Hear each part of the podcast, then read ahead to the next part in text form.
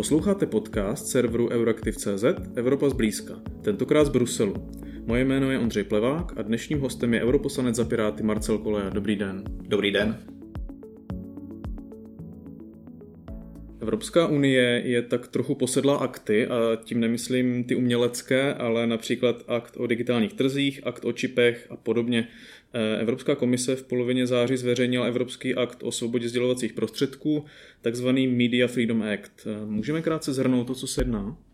Media Freedom Act, eh, neboli v češtině oficiálně akt o svobodě sdělovacích prostředků, taky často můžeme slýchat pojem akt o svobodných médiích, tak je legislativa, která má zajistit právě svobodu médií a nezávislost eh, médií v Evropě. Můžeme být trochu konkrétnější, co, o co tam jde? Myšlenkou toho celého, eh, té celé legislativy je ta, že eh, svobodná média jsou pilířem demokracie a pro fungování demokracie jsou absolutně nezbytná. Tudíž Eh, pokud když se podíváme na to, jakým způsobem se vyvíjí eh, trh s médií v Evropě, a když se podíváme na eh, index, který se jmenuje Press Freedom Index, který ukazuje svobodu médií v jednotlivých zemích, tak zjistíme, že v některých členských zemích skutečně dochází k úpadku svobody médií. Média jsou kontrolována státem, Eh, je vlastně eh, pošlapávána eh, nezávislost médií a tím pádem bylo zcela zjevné, že je potřeba udělat něco, aby tento trend se zastavil a otočil. K tomu je možná citovat i nějaká čísla, dokonce i z České republiky. Za dobu vlády Andreje Babiše se Česko propadlo z 23. místo tady na tomto indexu svobody médií to je z roku 2017 23. místa na 40. místo rok 2021. Vidíme v posledním roce zase opětovné zlepšení na 20. příčku. Maďarsko um, za dobu Orbánovy vlády z 23. příčky rok 2010 na 85. rok 2022. Uh, podobný trend bychom například uh, sledovali i v Polsku. Takže ta legislativa um, Eh, vlastně eh, přináší některé eh, povinnosti, které mají tyto problémy řešit. Například by mělo být zajištěno, že čtenář bude vždycky vědět, kdo dané médium ovládá. To znamená, je to vlastně si nástroj transparentnosti, že vždycky bude jasné, kdo to médium vlastní a kdo teoreticky vlastně eh, ovlivňovat eh, ten, ten, ten obsah toho média. Řeší tam také státem financovaná reklama, eh, kde zase se dá uvést jednoduchý příklad, například státní dopravce České dráhy bez výběrového řízení by neměl netransparentně platit desítky milionů korun médiím, která zrovna patří premiérovi, což je něco, co se skutečně dělo mezi lety 2015 až 2020 právě za vlády Andreje Babiše v České republice. Hmm, když o tom mluvíte, může mít vůbec Evropská unie nějaké v uvozovkách donocovací prostředky, aby něco takového vymohla, aby to neskončilo u nějakých reportů, ze kterých si potom nikdo nic nedělá. Vidíme, že ty reporty k právnímu státu, například eh, maďarská vláda pokud ji nebylo eh, vyhrožováno tím, že přijde o dotace, tak v podstatě neměla žádnou vůli eh, následovat ty reporty. Já Evropskou komisi dlouhodobě kritizuji v tom, že právě nečiní ty následné kroky. A vidíme, že když ty následné kroky se dějí, že potom najednou začne být vůle. To znamená, že skutečně je potřeba nejenom mít pravidla, ale je potřeba ty pravidla i vynucovat. Na to komise nástroje má. Konec konců za porušování evropské legislativy Evropská komise může členské zemi vystavit pokutu. Nyní máme nově ten instrument, který mimo jiné Piráti taky prosazovali, právě té kondicionality eh, používání evropských peněz, ehm, kdy je to podmíněno dodržováním zásad právního státu. Takže ty, eh, ty, ty nástroje Evropská komise v ruce má, jenom je potřeba, aby je skutečně využívala. Vy jste sám zmiňoval nějakou tu vlastnickou strukturu médií, že by eh, vlastně měli jsme mít k dispozici informaci o tom, kdo ta média vlastní. Jak by to konkrétně vypadalo a jestli by to mohlo mít potenciální vliv třeba na, na to, jak vypadá mediální krajina v Česku? z hlediska té vlastnické struktury v nějakém delším horizontu? Tak v České republice zrovna uh, asi třetina uh, privátně vlastněných médií tak uh, vlastně spadá uh, pod um, Andreje Babiše. A to je samozřejmě poměrně velký problém. To, jakým způsobem by to bylo implementováno, tak um, v, v digitálních médiích je, řekněme to, o trošku jednodušší. V těch tištěných je to samozřejmě Eh, jak si by bylo potřeba vymyslet, jakým způsobem tu informaci tam, tam zpropagovat, ale to je něco, co jsou, řekněme, implementační detaily eh, toho, jakým způsobem to skutečně zprovoznit. Tam se dá uvažovat určitě Eh, například, eh, že by nějaká stručná informace byla skutečně v tištěné formě, eh, nějak, nějaká podrobnější informace by byla třeba na webových stránkách, kde na tom médiu, na tom tištěném médiu byl QR kód, přes který by se na ty stránky dalo dostat. Takže nějaká ta řešení jsou, je potřeba, aby k tomu byla vůle. Já tady trochu vidím problém v tom, nebo spíš hodně vidím problém v tom, že ten návrh, tak jak je postavený ze strany Evropské komise, Eh, tak ehm, ty návrhy týkající se transparentnosti a eh, vlastnictví médií jsou pouze doporučení. Eh, a to tam právě existuje to riziko, že nedojde k naplnění těch cílů, takže tady si myslím, že určitě by to doporučení mělo být změněno na vyloženě skutečně pravidla, která se musí dodržovat. Ještě jedna věc, která je důležitá z hlediska médií. Jak vnímáte vlastně tento návrh v kontextu ruské dezinformační kampaně, která je součástí válečné strategie. Dá se to vůbec eh, nějak použít do budoucna v boji s dezinformacemi?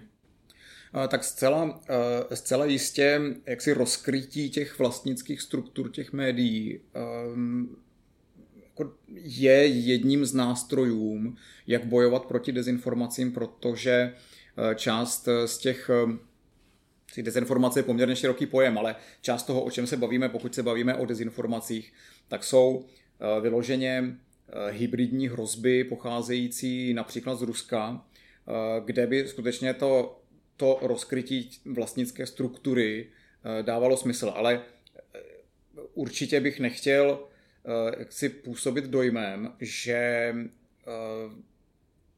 jaksi rozkrytí vlastnické struktury je jediným způsob, kterým bychom měli bojovat proti dezinformacím. Samozřejmě to vyžaduje eh, komplexní přístup. A je tedy v tom návrhu, eh, který komise předložila, nějaký další nástroj, jak s těmi dezinformacemi bojovat? Eh, já si myslím, že co se týče přímo konkrétně tady toho aktu o svobodných médiích, tak ten nějakými zvláštně, zvláštními dalšími nástroji nedisponuje.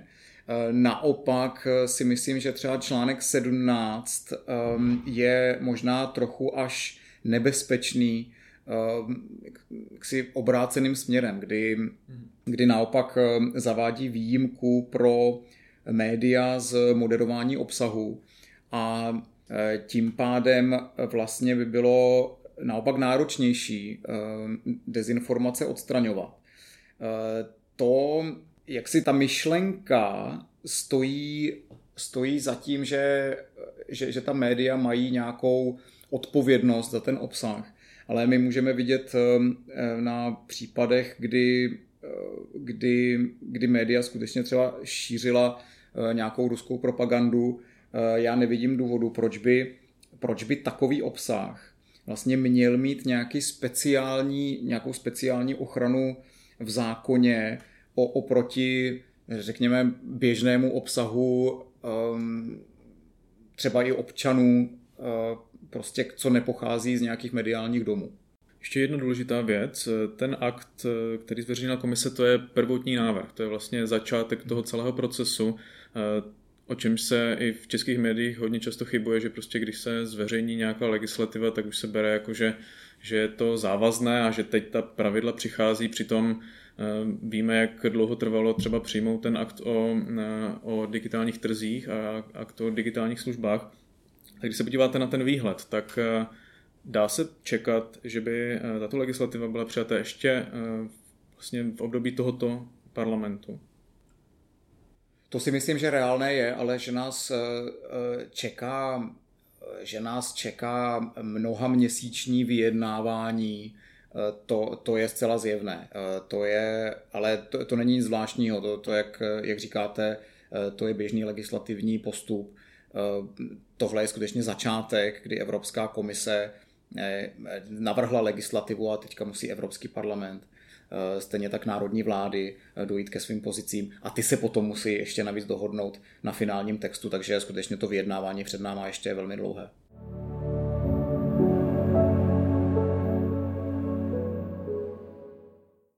Jednou z deklarovaných priorit českého předsednictví, o které často mluví například minister vnitra Vít Rakušan, tak to je eh, nařízení o zneužívání dětí v online prostoru. Můžeme opět krátce vysvětlit, eh, jak to má vypadat? Vy se tomuto tématu taky věnujete.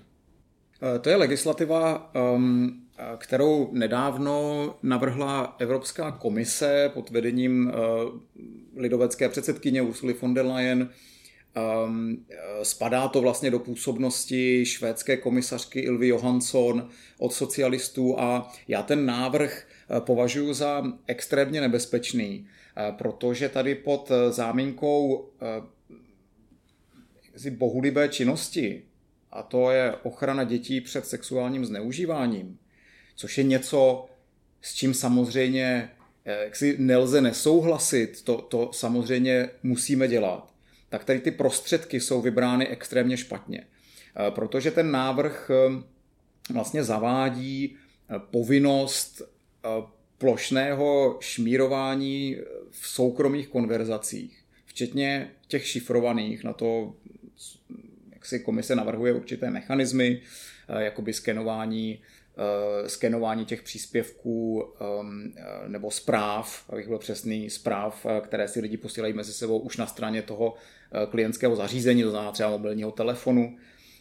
Um, je to vlastně ekvivalent toho, jako kdyby pošťák otevíral všechny dopisy, které doručuje, aby se podívali, si tam náhodou, uh, jak si v tom dopisu není nějaká dětská pornografie.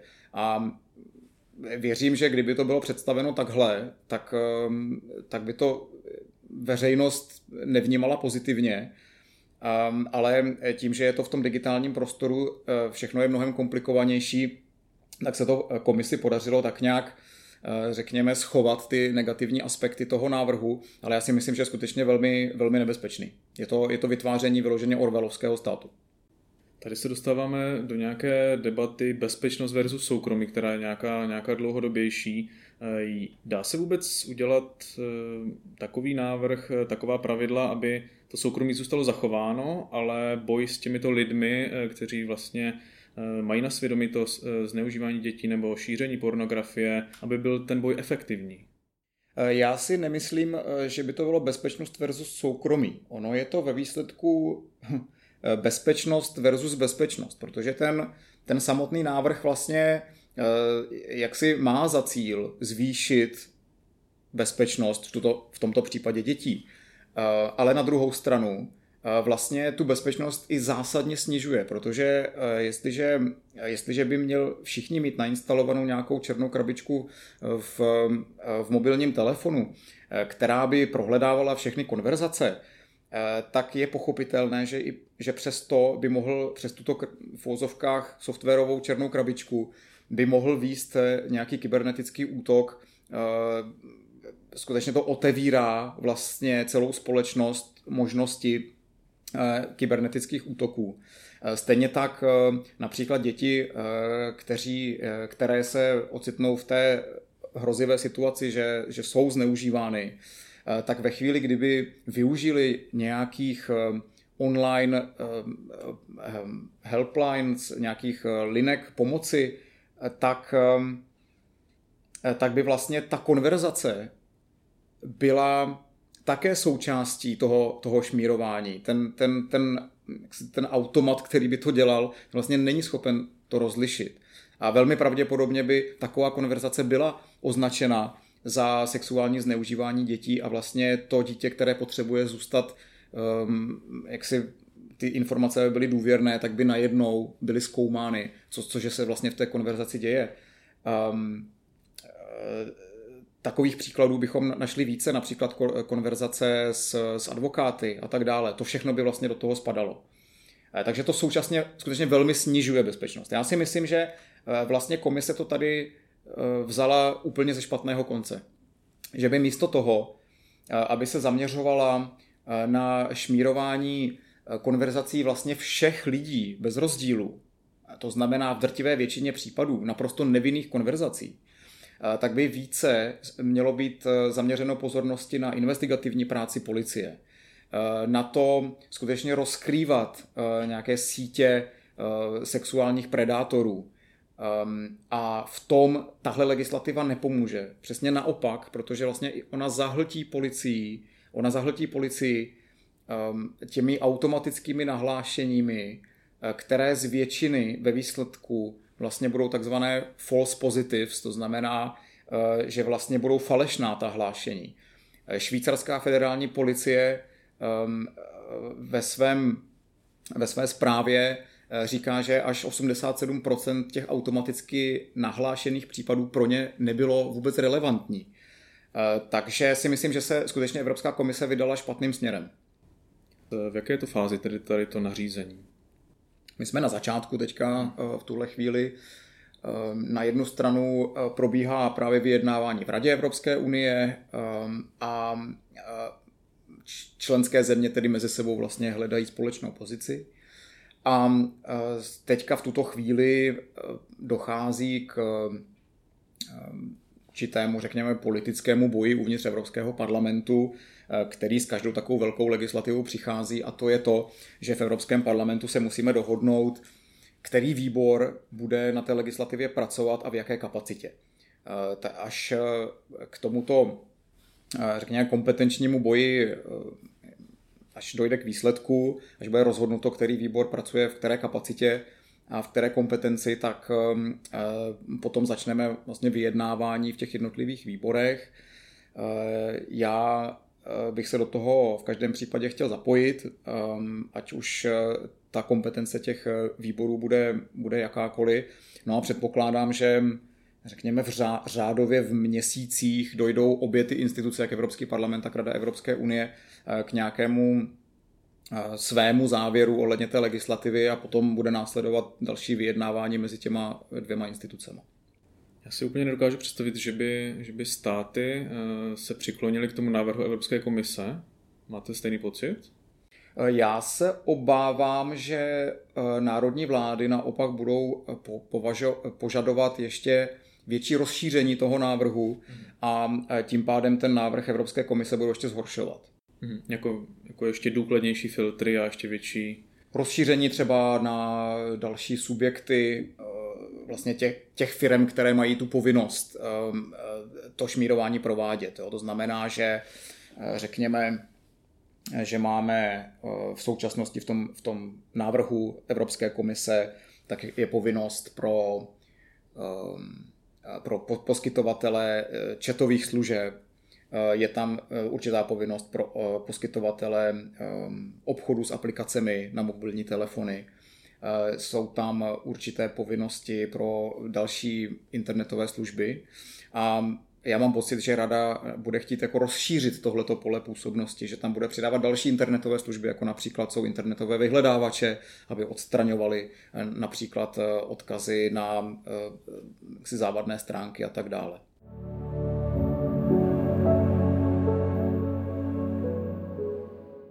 Všiml jsem si, že Piráti poměrně ostře reagovali na vítězství strany Bratři Itálie, kterou eh, vy sám označujete za neofašistickou.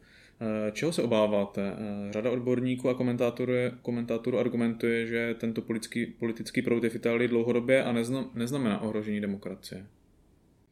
No, to úplně není pravda, protože ta strana je vlastně relativně nová. Ona ještě před pár lety měla naprosto naprosto minimální volební preference, pohybovala se vlastně na té hranici eh, eh, volitelnosti někde kolem těch 5%, zásadně narostla teprve v posledních letech. A ten důvod, proč já tu stranu považuji za, nebo proč ji označuju za neofašistickou, tak je ten, že ona, ta strana skutečně má fašistické kořeny. Když se podíváme do historie toho, jak ta strana byla založena, kdy to je návaznost, návaznost jaksi za, zakládání nových stran po tom, co ta předchozí byla zrušena a tak dále, ale pracuje s tím jejím odkazem, tak skutečně to, to sahá až, až do uh, Mussoliniho fašistické strany přes uh, stran, stranu uh, Movimento Sociale Italiano, až vlastně to dospělo do té dnešní podoby Fratelli d'Italia. To znamená, Eh, že ta, ta, eh, ta strana skutečně pracuje s fašistickým odkazem a dokonce vlastně i v té symbolice, kterou používá, eh, tak ten, ten fašistický odkaz je, ať už je to v logu, tam to zobrazení plamenu, ať už je to v rétorice, ať je to v motu vlastně toho, co si, co si vzali předsedkyně Melony a ta strana jako za své, kdy Eh, Mussolini vlastně pracoval eh, s motem eh, Bůh vlast rodina a úplně se stejným motem vlastně pracuje tahle ta politická strana. Takže je to skutečně z mého, z mého pohledu, a nejsem sám, to, to, tak, to tak komentuje i mnoho politických komentátorů, tak je to prostě určitá reformace fašistických myšlenek, řekněme, do, do dnešní doby. Na druhou stranu eh, Itálie, když to vezmeme z toho evropského kontextu, tak nám, nám neexistuje ve váku, je tam nějaký evropský prostor, který eh, nějaké politické směřování to, to, tam je. Vnímáte to, eh, ta změna, změna vlastně směřování Itálie jako nějaké vychýlení těch, těch politických vah na evropské úrovni? Víme, že i ve Švédsku vlastně bude pravicová vláda, tak máte pocit, že eh, ty politické váhy se nějak přesouvají na druhou stranu?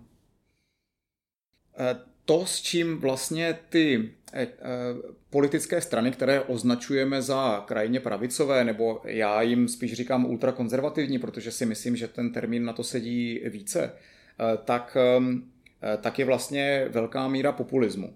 A ta velká míra populismu přichází vždycky v době jakéhosi zklamání, Eh, občanů z, z, z politiky, s kterou měli zkušenost eh, předtím. A to je přesně třeba ta situace v Itálii.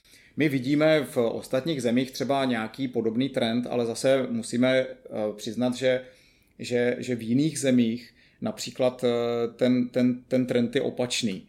Takže si myslím, že je to takové, řekněme,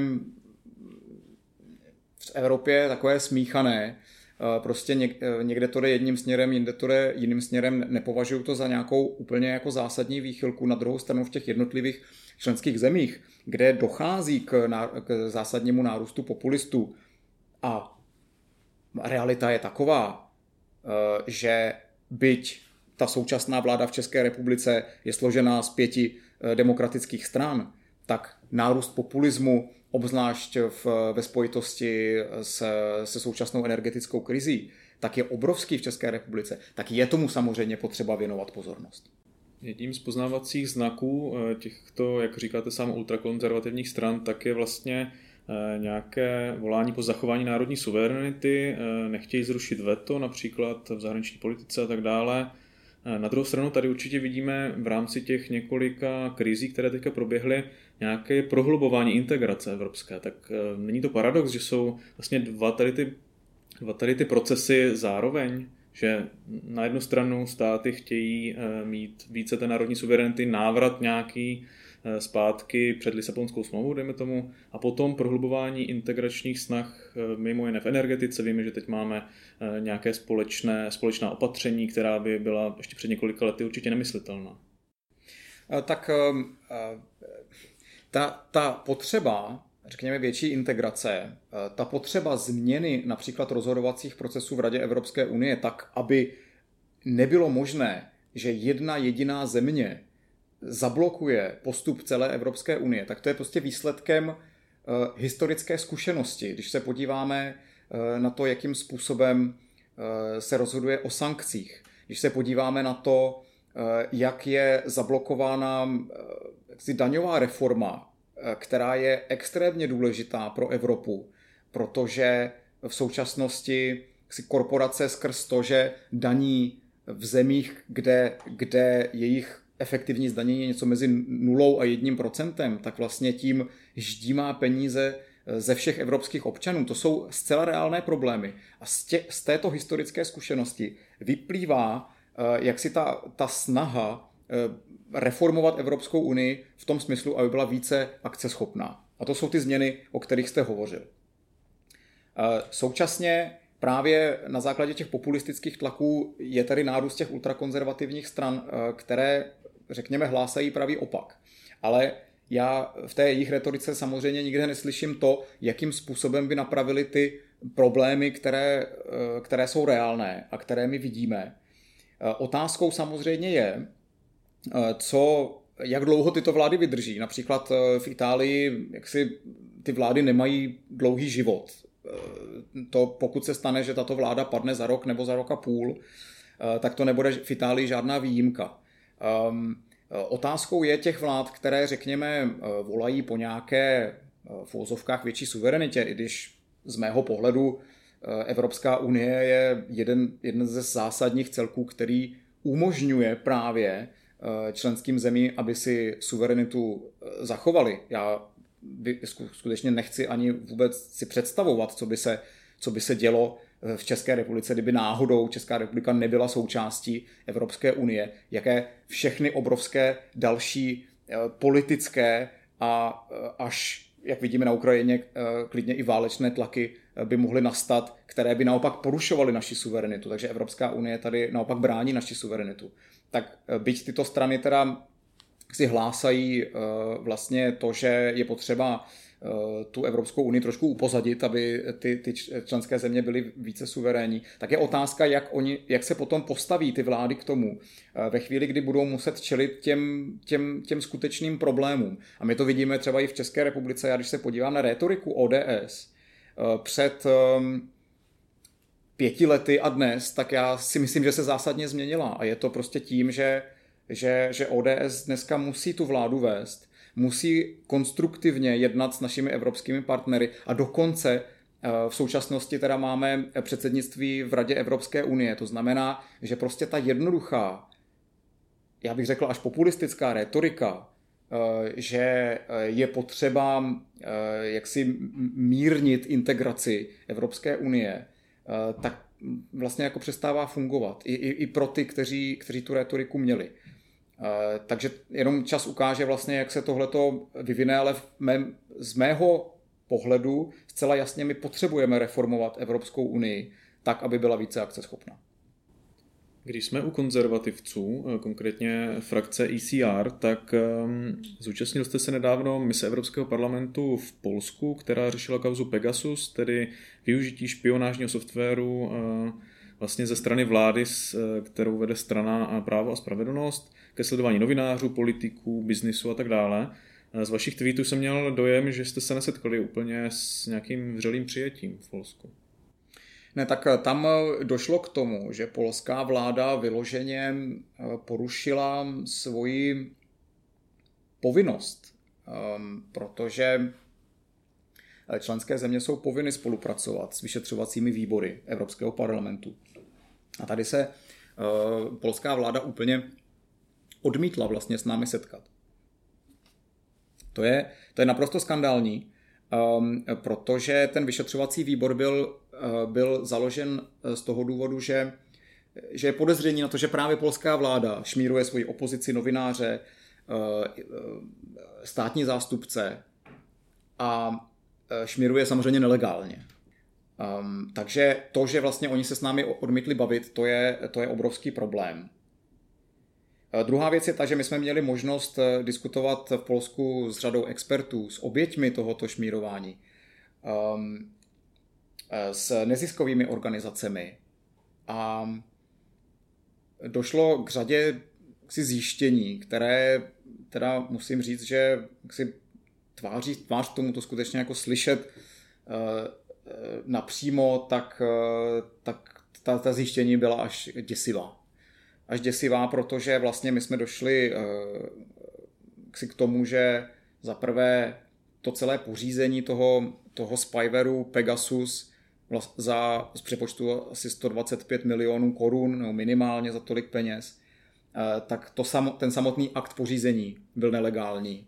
Potom to používání vlastně bylo nelegální a jakékoliv eh, následné akce, eh, které by si napravili tyto škody, tak jsou neexistující. Jakýkoliv dohled nad používání takového systému je neexistující. Eh, takže za mě je to jeden z třípek do mozaiky, které, která se jmenuje bohužel úpadek právního státu v Polsku. Pokud jsem si všiml správně, tak nějaký report k tomu by měl být hotový na začátku listopadu? Upřímně teď z hlavy nevím, teď z hlavy nevím kdy, kdy přesně ta zpráva má výjít. A čekáte, že Evropská komise například potom vlastně udělá nějaké kroky na základě tady té zprávy? Tak tam bude důležité, aby skutečně ta zpráva um, komisi vyzývala k tomu, aby nějaké kroky udělala. Ve chvíli, kdy to tak bude, tak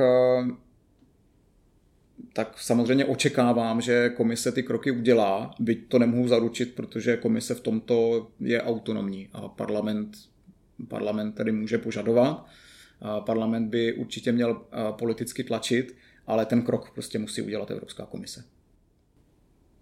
Ještě jedna věc tady k tomuto tématu. Eh, zajímalo by mě, má vůbec eh, Evropský parlament, když tam tak přemýšlím, právo hodnotit nebo nějak vyšetřovat tuto oblast v členských státech?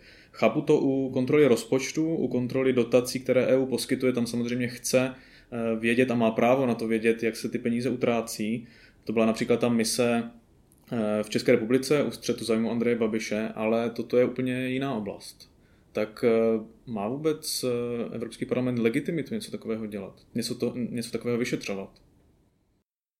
Určitě eh, Evropský parlament vyšetřuje celou řadu záležitostí. Měli jsme ustanoveny výbory pro, pro vyšetřování daňových podvodů v minulosti, pro vyšetřování například jestli jsou dodržována pravidla na, na převoz zvířat. Skutečně ta škála je obrovská. Tady není důvodu si myslet, proč by Evropský parlament nemohl vyšetřovat uh, jaksi uh, skandál, který je vlastně celoevropský. Uh, ten podle, podle, podle zjištění z Izraele, tak ten software, ten spyware byl dodán do 14 členských zemí my už víme v současnosti o čtyřech členských zemích, kde byl zneužit, eh, kde byl vlastně použit nelegálně. Eh, je to Maďarsko, Řecko, Španělsko a právě Polsko. Takže si myslím, že to, že se tím zabývá Evropský parlament, je naprosto správně. Hostem podcastu byl europoslanec Marcel Koleja. Díky moc za rozhovor. Děkuji za pozvání. Nasledanou. To už je pro tentokrát vše. Děkujeme, že nás posloucháte. Budeme rádi, pokud podcast Evropa zblízka doporučíte svým kolegům a známým.